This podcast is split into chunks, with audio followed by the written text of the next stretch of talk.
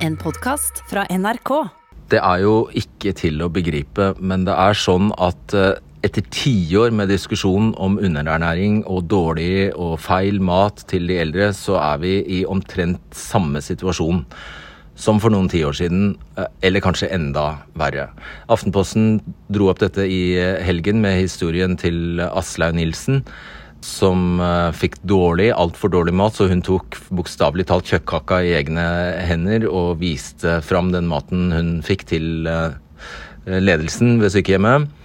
Så det var vår inspirasjon. Uh, og så fant vi etter hvert ut at alle vi kunne ha ansvarliggjort fra statsråder og ned til, helse, ned til direktører eller sjefer ved enkeltinstitusjoner det ville bli ganske tunga ut av vinduet. Vi ville få de antagelig omtrent de samme svarene som man har hørt tidligere. Og dette er ikke til forkleinelse for noen politikere eller myndighetspersoner, altså. Men vi har jo tilmålt sendetid, så vi valgte den gangen her å rett og slett vie tiden, all den tiden vi har, til å høre hva er det som faktisk skjer der ute. Hvorfor skjer dette?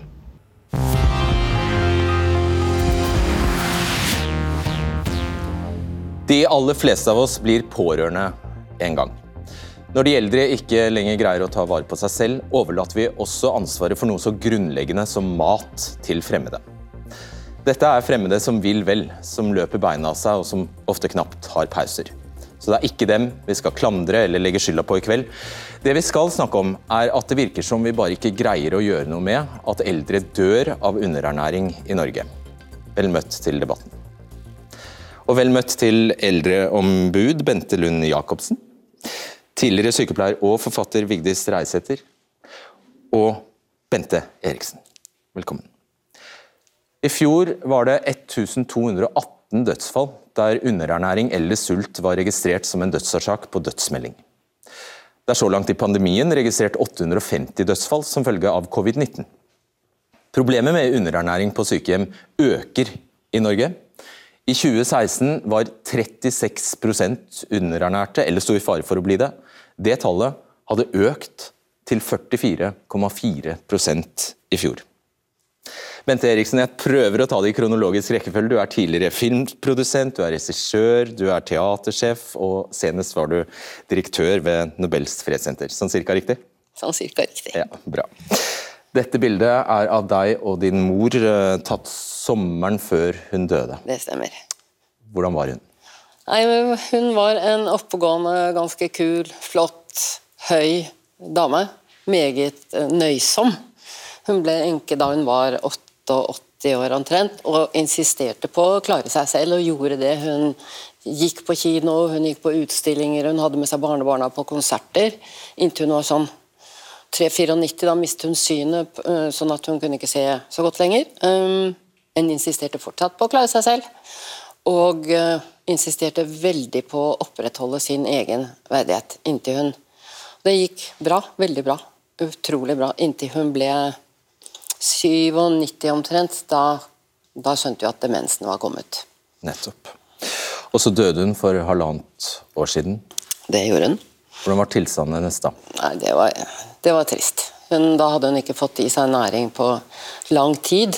Og, og kan si utrolig mye godt om det pleiehjemmet som moren min var på. Og det var fantastisk personale, men maten var ikke spesielt god, for å si det enkelt. Mye veide hun da? Da veide hun 39 kilo. 39 kilo. Og var 1,70. Første bud for å finne ut om noen er underernært, er jo å undersøke. og Da må helse- og omsorgstjenesten vite om de eldre har gått ned i vekt, om de spiser mindre enn vanlig, om de har en lav kroppsmasseindeks, BMI.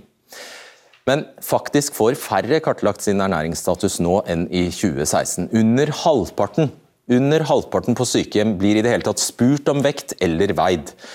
Det er lovbrudd. Fordi underernæring kan føre til død, og det skal selvfølgelig kunne vurderes i ettertid om kommunen har opptrådt uansvarlig. Vigdis eh, Reisæter, som sagt, du er tidligere sykepleier, og så er du forfatter av boken 'Jeg skal hjelpe deg en sykepleiers farvel til eldreomsorgen'. Hva er din erfaring når det gjelder dette med kartlegging og oppfølging av eh, ernæring? Ja. Eh, når pasientene kom til oss, så kartla vi de eh, ernæringsmessig. Da brukte vi et såkalt MNA-skjema, som vi fylte ut og registrerte. Men min erfaring er at det var fryktelig vanskelig å følge det opp.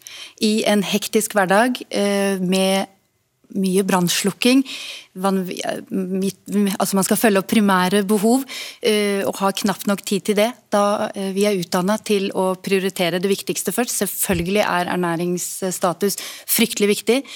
Men eh, når det kjemper mot å følge folk på do, og få i folk mat og få i de viktige medisiner, så er det dessverre en av de tinga som ofte blir underprioritert. Ja, og Her er kravet at de skal faktisk veies hver måned. Ja, og hver tredje måned er vel det vanligste på sykehjem, men kravet er vel egentlig hver måned. Men, mm. ja. mm.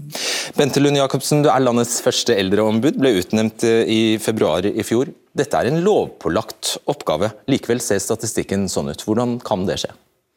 Vi ser jo at eh, kommunene svikter mange eldre, og i tillegg til det så svikter òg de nasjonale myndighetene, som ikke sørger for at kommunene følger opp sine forpliktelser med ernæringsvekttilsyn og ernæringsforhold på alle sykehjem. Tar du ikke på alvor? Det kan jo virke som om eh, man ikke tar det helt på alvor, eller at man ikke har forstått alvorlighetsgraden i det. Et eksempel, Dette er et nær sagt tilfeldig eksempel. Det kommer fra Gjøvik kommune, og det illustrerer veldig godt det som kan skje. I et tilsyn fra Fylkesmannen kommer det fram at det var to år siden de eldre på sykehjem ble kartlagt. Fastlegen er ikke inne i bildet før det kartlegges. De gangene de eldre veies, skrives de gjerne ikke ned. Gjøvik kommune har dermed ingen oversikt over hvem som er i risikosonen for underernæring, frivillige kjører ut mat til de som bor hjemme. og Det er ikke noe system for at de skal kunne varsle dersom de er bekymret f.eks. hvis de ser at maten ikke spises opp hos brukeren. Og så videre. Fylkesmannens konklusjon er at Gjøvik kommune sikrer ikke forsvarlig vurdering, kartlegging og oppfølging av pasienter som er underernærte eller i ernæringsmessig risiko. Dette er brudd på helse- og omsorgstjenesteloven, forskrift om lovbestemt sykepleiertjeneste i kommunenes helsetjeneste, forskrift om kvalitet i pleie- og omsorgstjenesten, verdighetsgarantiforskriften, forskrift om ledelse og kvalitetsforbedring, forskrift om legemiddelhåndtering for virksomheter og helsepersonell som yter helsehjelp, helsepersonelloven og lov om tannhelsetjenesten. Og når en tilfeldig kommune som Gjøvik greier å gjøre seg skyldig i så mange forskrifts- og lovbrudd, hva skal, hva skal de pårørende gjøre da? Det er veldig mange pårørende som står skikkelig i spagat. Fordi at de er jo eh, til enhver tid til hjelp for sine kjære som er på institusjoner. De hjelper til med mating, de hjelper til med innkjøp og de hjelper til med alt mulig. Men jeg tenker at pårørende de må bare ta eh, grep sjøl. De må klage det inn, de må sørge for at dette blir kjent. For eh, vi kan ikke ha det sånn. Det er sikkert veldig upopulært ofte? Ja, Vi får jo tilbakemeldinger fra enkelte som eh, eh, vegrer seg for å varsku. Mm. Det gjør vi. Ok. Av de som da faktisk blir veid og undersøkt, eh, står i snitt halvparten i fare for å være eller bli underernært. Ifølge registrene er det størst risiko for å dø av underernæring i kommunene Målselv, Sunndal og Ulstein. Det blir veldig liten skrift her, men det er de tre kommunene som troner på topp her. Her har 100% av langtidsbeboerne på sykehjem risiko for underernæring. I mange av kommunene kartlegger de bare et fåtall av de eldre, men av de tre øverste her, så viser det seg at av de de har kartlagt, så er det 100% av beboerne som er i risikosonen. Hvis vi beveger oss litt nedover på lista, så finner vi kommuner som Askøy, Kvænangen, Levanger, Meløy, Holmestrand. Her er også en veldig høy andel av de som er kartlagt, underernært. Og jeg gjentar at det å kartlegge er noe kommunene skal gjøre. I en kommune som Oslo, kommer litt lenger ned på lista her, så det vises ikke her, så er 60% av de som bor på sykehjem, de har risiko for underernæring. 60% i Oslo. Skal jeg legge til at De tre på toppen her, de tre øverste kommunene her, de svarer meg at de har rapportert feil. Det beklager de. Men dette er også en gjenganger. For kommunene tar ikke denne rapport rapporteringen særlig alvorlig, later det til. Bente Eriksen, din mor var først på et kommunalt sykehjem i uh, Oslo. Hvordan vil du beskrive den tiden? Var, altså hun var først på et uh, såkalt helsehus. Helse, liksom. Uh, og det var altså det verste jeg har sett noensinne. Det var skittent. Møblene var i stykker slått. Det var uh, ikke faglært personale, og maten var helt grusom. Og I tillegg så puttet de på henne glatte sokker, så hun falt og brakk hoften. Altså Det var så forferdelig at vi jobbet jo intenst for å få henne på et pleiehjem, og det klarte vi. Og det var for så vidt et veldig ok sted, bortsett fra når det kommer til dette med maten. Med ja. veldig, veldig søte medarbeidere. Og Hvordan var den maten? Den var eh, kald. Den var ikke spesielt delikat, og jeg tror ikke den var videre næringsrik. Så vi prøvde jo som best vi kunne å bidra med litt frukt og sånn, men po poenget med henne var jo at hun da var nesten blind. Så vi hadde jo sagt fra at hun måtte få skåret opp maten sin, og gjerne spise med skje. Men det hadde ikke tid til. For det er jo akkurat sånn som du sier, ikke sant. Alt det andre kommer først. Og dette med tid og eldreomsorg, det må være en stor og viktig nøkkel. Så hadde hun jo hjemmehjelp en periode. Du eh, var så vidt innom det. Var det noe ja. bedre? Eh, nei, det var ikke veldig mye bedre. Moren min og hjemmehjelpen var veldig uenige om både hva som var eh, god og næringskost mat, og hva som var rene gulv.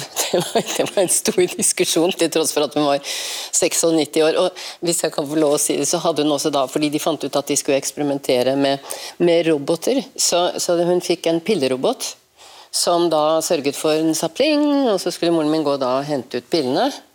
Men det var ingen der for å sørge for at hun faktisk spiste pillene. Og det gjorde hun ikke. Akkurat. Så, vi skal alle, på, vi skal alle hjem, få hjemmehjelp. Så dette ser vi frem til. Hva er det største problemet med underernæring blant eldre, vil du si? Nei, men det sier seg jo selv at man mister all livskraft. Det er vel så enkelt som det. Og livslyst, rett og slett. Vi har bedt om en kommentar fra helsebyråd eh, Sten i Oslo. Det ønsket han ikke å, å gi. Det er i løpet av de siste årene skrevet rapport på rapport. Utredning på utredning. Handlingsplan på handlingsplan. Strategi etter strategi for å gjøre noe med dette med underernæring av eldre. Og Selvfølgelig finnes det kommuner som får det til, men eh, nå skal vi få inn deg, Kari Elisabeth Navstad. For deg handlet det om noe så banalt som tid, viste det seg. Ja. Vil du fortelle litt uh, først om uh, moren din, som du mistet for bare noen få uker siden, så jeg kondolerer så mye. Vil du fortelle litt om moren din først? kanskje? Ja, mamma. Fortell litt om mamma. Hun var helt fantastisk. Veldig glad i mamma. Hun ble 83 år. Her ser vi dere sammen. Ja. ja. det er for noen uker siden. Det var faktisk siste dagen jeg var sammen med mamma, og jeg tok en lang weekend i Oslo. Og så ble hun akutt da syk med lungebetennelse, og det klarte hun ikke. Så da hadde mamma vært syk i akkurat fire måneder. Hun eh, fikk blodpropper på lungene slutten av april.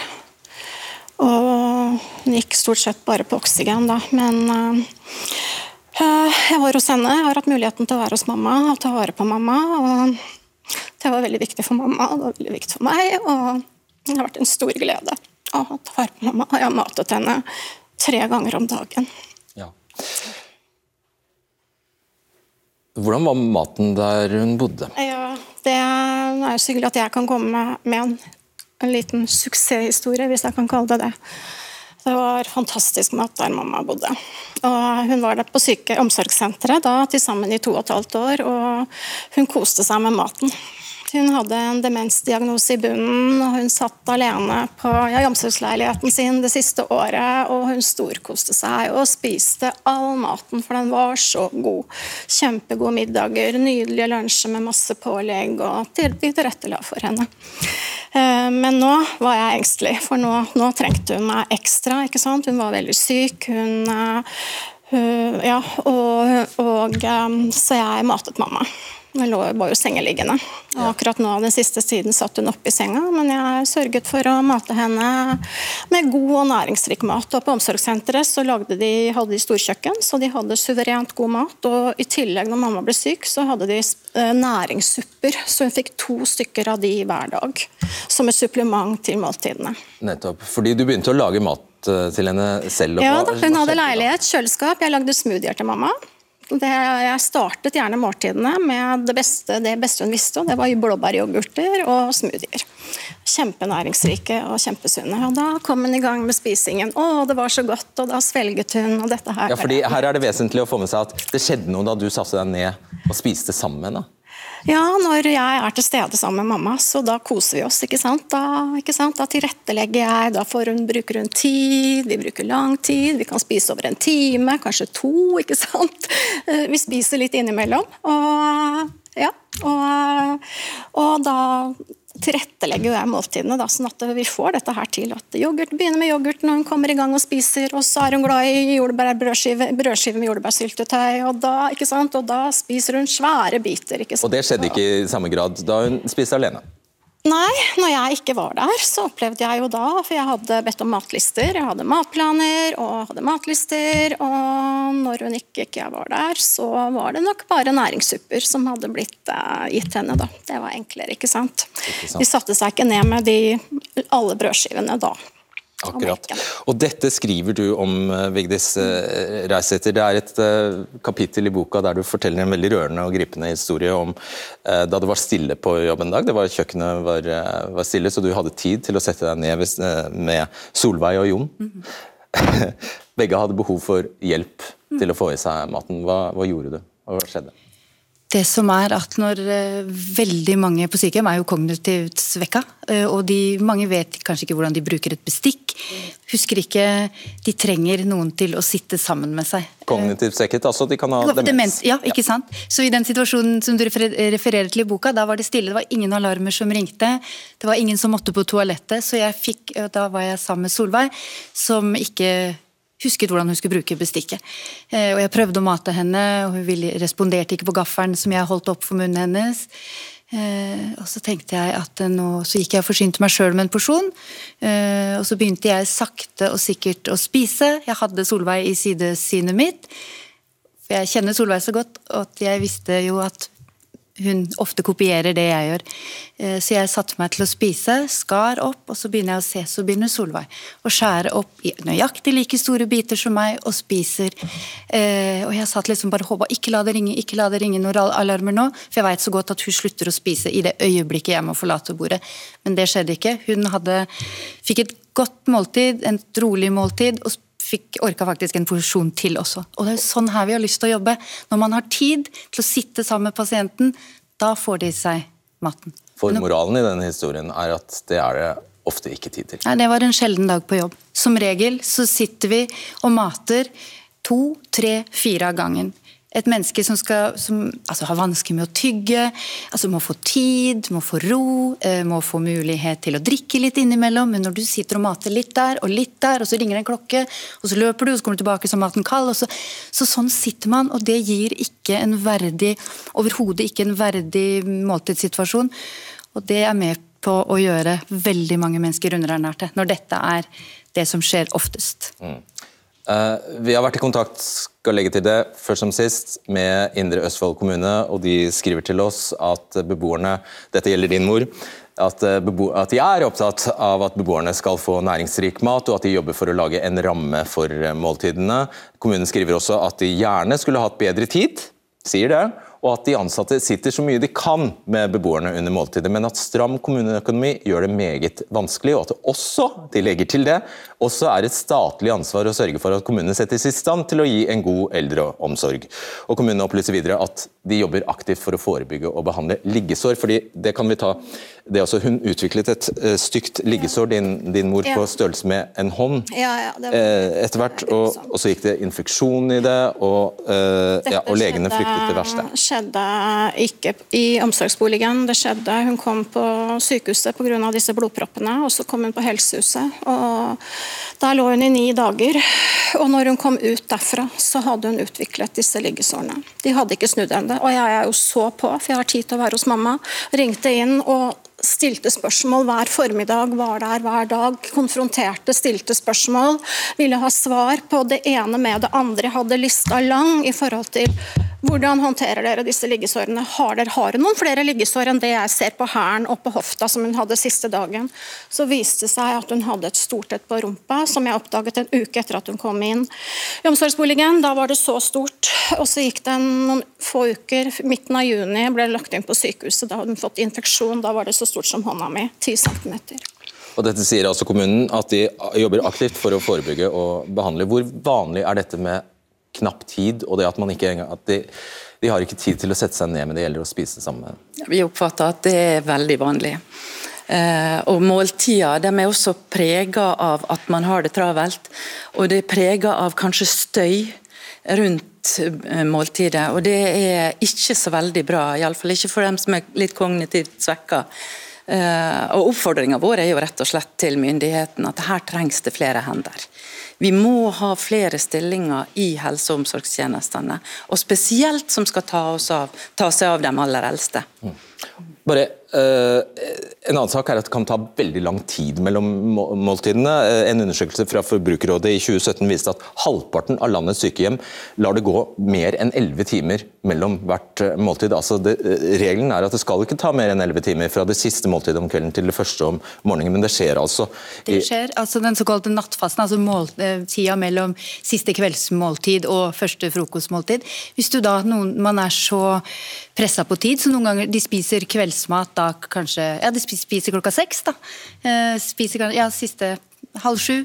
Og så blir du lagt ganske tidlig, og så um, får du kanskje ikke stå opp igjen før klokka halv ni-ni. Spiser halv ti. Da har det gått 15 timer. Uh, vi vet veldig godt at det ikke er greit, og vi prøver jo å jobbe og komme med små mellommåltider, men når du har én nattevakt på morgenen som skal gjøre alt, rekker ikke gjerne. Og, og, også det, Man kan komme inn og sette en yoghurt på nattbordet, men det er, det er veldig sjelden beboeren spiser, eller pasienten spiser en alene. Du trenger noen til å hjelpe deg. Og så er ikke de hendene der. Nettopp. Og så er det, støtter opp under henne, flere folk. og så er det stor variasjon i hvor mye penger kommunene bruker på mat til de eldre. En undersøkelse fra Forbrukerrådet i 2015 viste seg at, at Orkdal bare brukte 42 kroner per døgn per beboer på sykehjem. 42 kroner, mens Kristiansand brukte 167 kroner. I 2018 varslet Frogn kommune at Ullerud helsebygg hadde sprengt budsjettet, og det førte til kutt i matbudsjettet. Der ble det bare kake på runde bursdager og aldri varm lunsj. Inger Marie og Oddvar Stenstrøm, dere er med oss fra Gran Canaria, og flere av våre seere har kanskje fått med seg eh, Aftenposten i helgen, der vi kunne lese om 96 år gamle Aslaug Nilsen som tok kjøttkaka hun fikk til middag, pakket den inn i plast, bar den med seg ned i gangen til ledelsen på hjemmet hvor hun bor, fordi hun ville at sjefene skulle se det harde og slintrede kjøttet hun hadde fått. Og Når maten er dårlig over lengre tid, venner man seg gradvis til å spise lite, sa hun, 96-åringen til Aftenposten. Aslaug Nilsen, det er din mor, Inger Stenstrøm. Hva er din opplevelse av den maten din 96 år gamle mor får? Helt grusom. Helt, helt uspiselig. Eh, de fikk jo, altså, altså i dette tilfellet, da, altså de fikk eh, kjøttkaker tre dager på rad. og Det er greit nok, men kjøttkakene er så slintrete og harde at du kan ikke tygge dem. Du kan ikke skjære gjennom dem. Og eh, Hun har derfor tatt med seg maten rett og slett til, til kontoret for å vise hvordan, hvordan, hvordan den ser ut. Og Hun var blitt tynn. Orket ikke å spise. Uh, gråt, var helt fortvilet fordi hun ikke klarte å få i seg middagene. Det er middagene det er snakk om, altså. Og uh, helt uholdbart. Uh, og, Som pårørende i en sånn situasjon, hva er hovedproblemet? Jo, Problemet er at du kan si du får ikke noe gjennomslag for altså Man klager på maten og man skal ha møter om at man kan forbedre maten, sånn som i de syv årene hvor hun har vært der og blir lovet at nå skal det bli bedre, det skal bli bedre. Og så skjer ingenting. Og det er ikke det at det er snakk om vond mat. Det er snakk om mat som ikke engang de som jobber der, orker å spise. Og 70% av den maten og den middagen, da, det er jo middagen dette gjelder, eh, blir kastet. Eh, rett og slett fordi eh, de orker ikke å spise. Ingen på avdelingen som orker å spise middagen. Um, og ikke de som jobber der. Uh, så sånn 70 blir kastet, da. Mm. Og Vi har bedt om en kommentar fra hjemmet der moren din bor, Katinka Gullberg-senteret i Oslo. De skriver til oss at de ønsker å servere velsmakende og næringsrike måltider, at de setter pris på tilbakemeldinger, og de jobber med store og små forbedringer. Og så skriver de at beboerne har ulike preferanser når det gjelder mat, og at de ikke alltid kan levere på den enkeltes forventning. Og at matkvalitet er noe de prioriterer høyt. Kort kommentar til det, Inger. Vel, jeg vil jo si at uh, akkurat det der er jo full sånn, det er sånn standardsvar som de kommer med. Uh, det er jo bare snakk om egentlig å ha mat som, uh, som, man kan spise og som man klarer å få ned. det er ikke verre enn det. Det er jo ingen som ber om at det skal være noe spesiell kost eller at det skal være noe spesielt godt. Det er rett og slett bare normal vanlig middag. Og sånn som den er nå, hvor du ender opp med å ligge sulten om natten og kanskje erstatte middagen med et glass med Biola, så sier det seg selv at da raser jo vekten ned, og det var det de gjorde hos henne. Og der sitter du, Oddvar Stenstrøm, høflig og tier stille. Det må sikkert gjøre vondt. Velkommen til deg. Veldig mange av våre seere kjenner deg selvfølgelig som tidligere debattleder på Holmgang på eh, TV 2. Hva slår deg når vi snakker om ernæring og eldre så, så mange år må si det, etter at du ledet debatter om akkurat det samme? Jo, vet du hva, jeg syns det er så hjerterått å høre. Og den måten vi behandler de eldre på, som faktisk har bygget dette landet, det er en nasjonal skam. Og jeg skjønner godt at helsebyråden i Oslo sier til deg at dette tør han ikke å gjøre.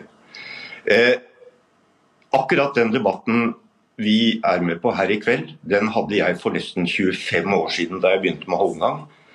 Og så gjentok debatten seg minst én gang hvert eneste år, og politikerne lovet og lovet. Og så har det jo bare blitt verre. Du var inne på Oslo. Oslo er verst, ifølge statistikken. Og for fire år siden så var det 46% av beboerne på sykehjem i Oslo som fikk for lite næring. I løpet av disse fire årene så har vi hatt eiendomsskatt i Oslo som politikerne lovet skulle gå til bedre eldreomsorg. Men hva har skjedd? De 46 har blitt til 60. Det er jo en dramatisk forverring.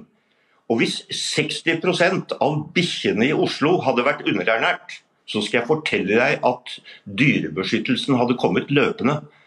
Dette er så skammelig, eh, Fredrik, at jeg finner ikke ord. Og etter at jeg ble intervjuet både i VG og var på TV 2 morgen-TV overalt, jeg har blitt rent ned av reaksjoner fra pårørende som er så glad for at nå må noen endelig si ifra.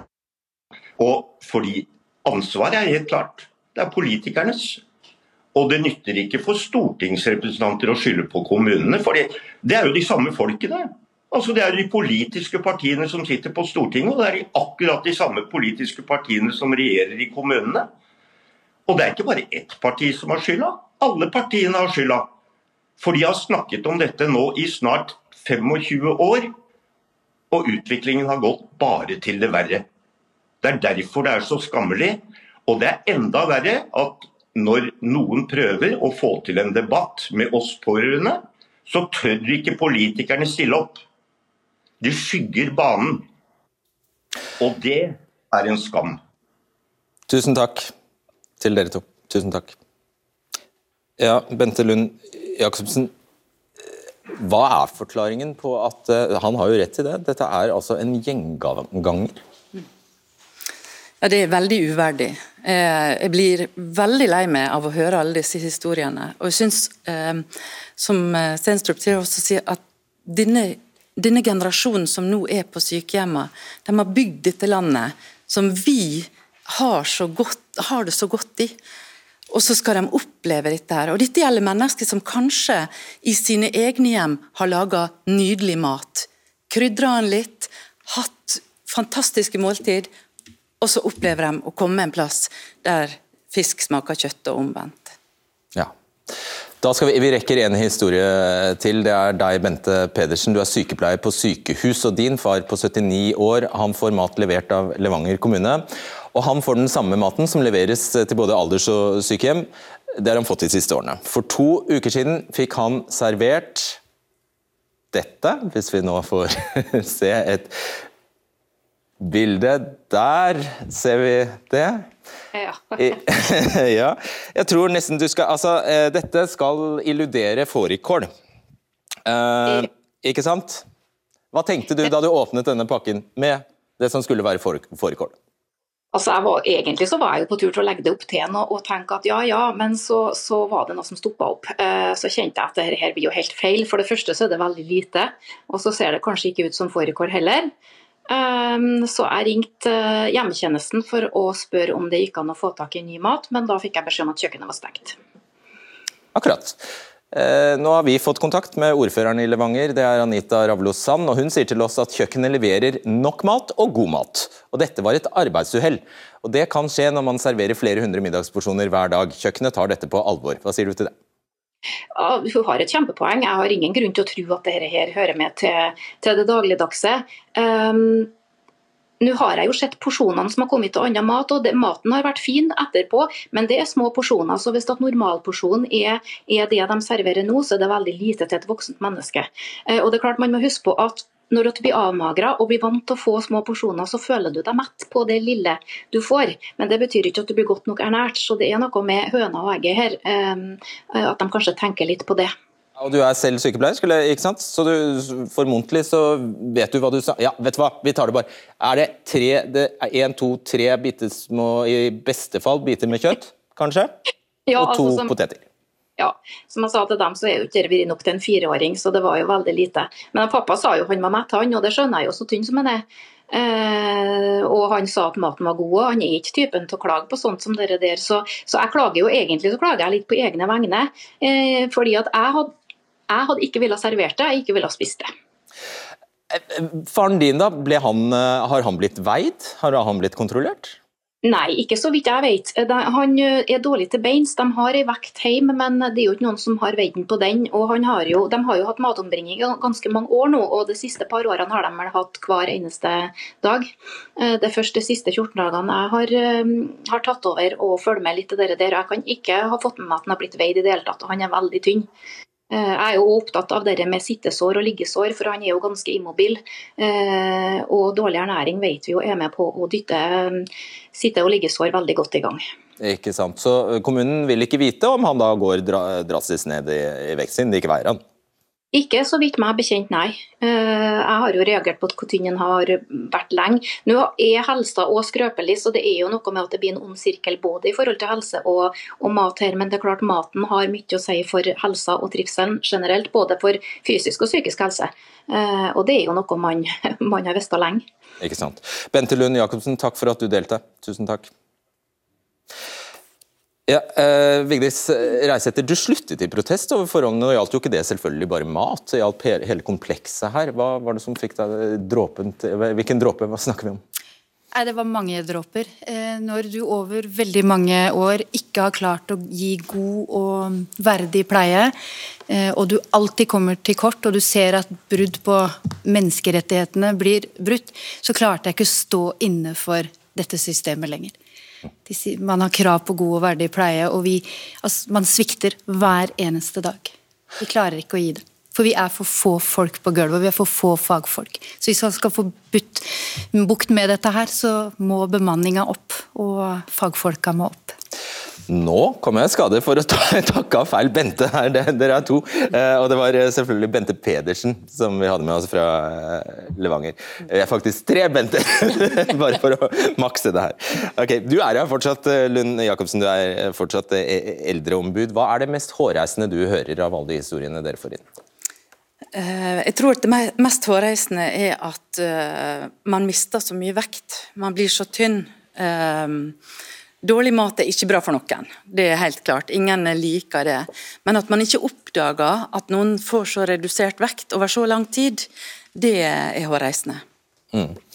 Uh, når det er uttak, et uttak hva, hva, hva, er den enkleste løsningen på det? Selvfølgelig å veie dem, men det har vi jo fått det, det, det, er ikke bare bare, skjønner vi, i en hektisk hverdag. Nei, men Det hjelper heller ikke å veie dem om ikke matstellet blir annerledes. Så, eh, og om ikke det blir flere hender. Jeg tenker at enkleste løsninga nå det er å, å, bruke litt av pengene som vi skryter av at vi har i dette landet her, og sørge for at vi har faglært og god bemanning på alle institusjonene, sånn at vi sørger for at den blir vel ivaretatt. Vil du gi et eh, råd til pårørende som kan være i, i lignende situasjoner som den du, du var i? Hva, hva, vil, hva, vil, det rådet ha vært? Det vil jo, jeg vil jo gi de samme rådene. Være til stede mest mulig. Være aktiv, stille spørsmål, gå i dialog med de som jobber der. Det jeg gjorde var jeg, når mamma var syk, eh, og jeg forsto at det var ikke, kanskje ikke alltid når jeg ikke var der at hun hadde fått så mye mat eller drikke som hun trengte, så jeg ba om å ha matlister. Eh, så det lå fremme, mm. at det ble ført opp matlister. Og jeg skrev, eh, googler og sjekker hva som var sunt for mamma. Og det var jo, i forhold til dette liggesåret, så var jo det proteinrik og næringsrik mat med mye fløte og smør og den type ting. Mm. Og Hvis man er så årvåken, hvis man er klar i hodet, hva kan den eldre selv, og hva bør den eldre selv gjøre? Den eldre selv må jo prøve å si fra. Det prøvde moren min, og det prøvde vi. Vi hadde riktignok ikke anledning til å stille opp nesten på heltid, og jeg syns det også er helt skammelig om man skal måtte det faktisk. Og jeg har lyst til i en bitte, bitte liten bisetning å si at hvis denne debatten foranlediger en diskusjon om privat eller, eller, eller, eh, kommunal drift, da mener jeg da er vi virkelig på ville veier. For det er altså ikke det det handler om, det er en skikkelig avsporing. Men vi må bare fortsette å si fra og si fra og si fra en setning om at det finnes en, en, en, yrkesgruppe som kan dette, nemlig ernæringsfysiologer. Mm. De er det ansatt 50 av omtrent i hele Kommune-Norge. Det er 1000 sykehjem. Mm. Eh, ernæring, og halvparten av dem eh, angivelig i, i, i, Oslo. Disse kunne veiledet, disse kan jo uh, ernæring. Og så bruker vi i stedet penger på helt andre ting. Ja. Absolutt, man kan få støtte av ernæringsfysiologer, men sykepleiere også er godt utdanna og kan mye om ernæring. Vi har bare ikke rom og tid til å følge det opp. Vi ønsker så veldig å gi god og verdig pleie, men det er i en hektisk hverdag så er det nesten umulig. Dessverre. Sånn er det. Og som du sikkert la merke til nå, vi valgte å ikke ha med politikere eller ansvarlige myndighetspersoner i kveld. Og Det er fordi dette problemet altså har vedvart i så mange tiår at vi heller valgte å vie tiden til dere som kunne fortelle hvordan det faktisk står til, og hva som faktisk skjer. Så tusen takk skal dere ha. Og så vil jeg legge til på tampen at Vi vet det er mange kommuner og sykehjem som faktisk får det til, og det finnes mange fornøyde brukere og pårørende der ute, heldigvis. Skriv gjerne til oss på debatten nrk Nei, ja, jeg tar det en gang til. Debatten krøllaffa nrk.no. Og torsdag skal vi markere åpningen av nok en utenlandskabel, dere, som kanskje kan gi oss enda høyere strømpris. På gjensyn.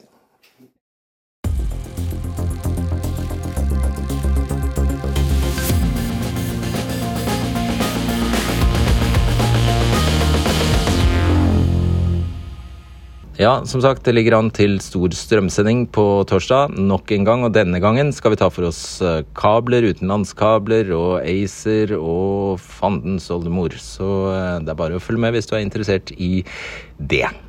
På gjenhør. Du har hørt en podkast fra NRK. Hør flere podkaster og din NRK-kanal i appen NRK Radio.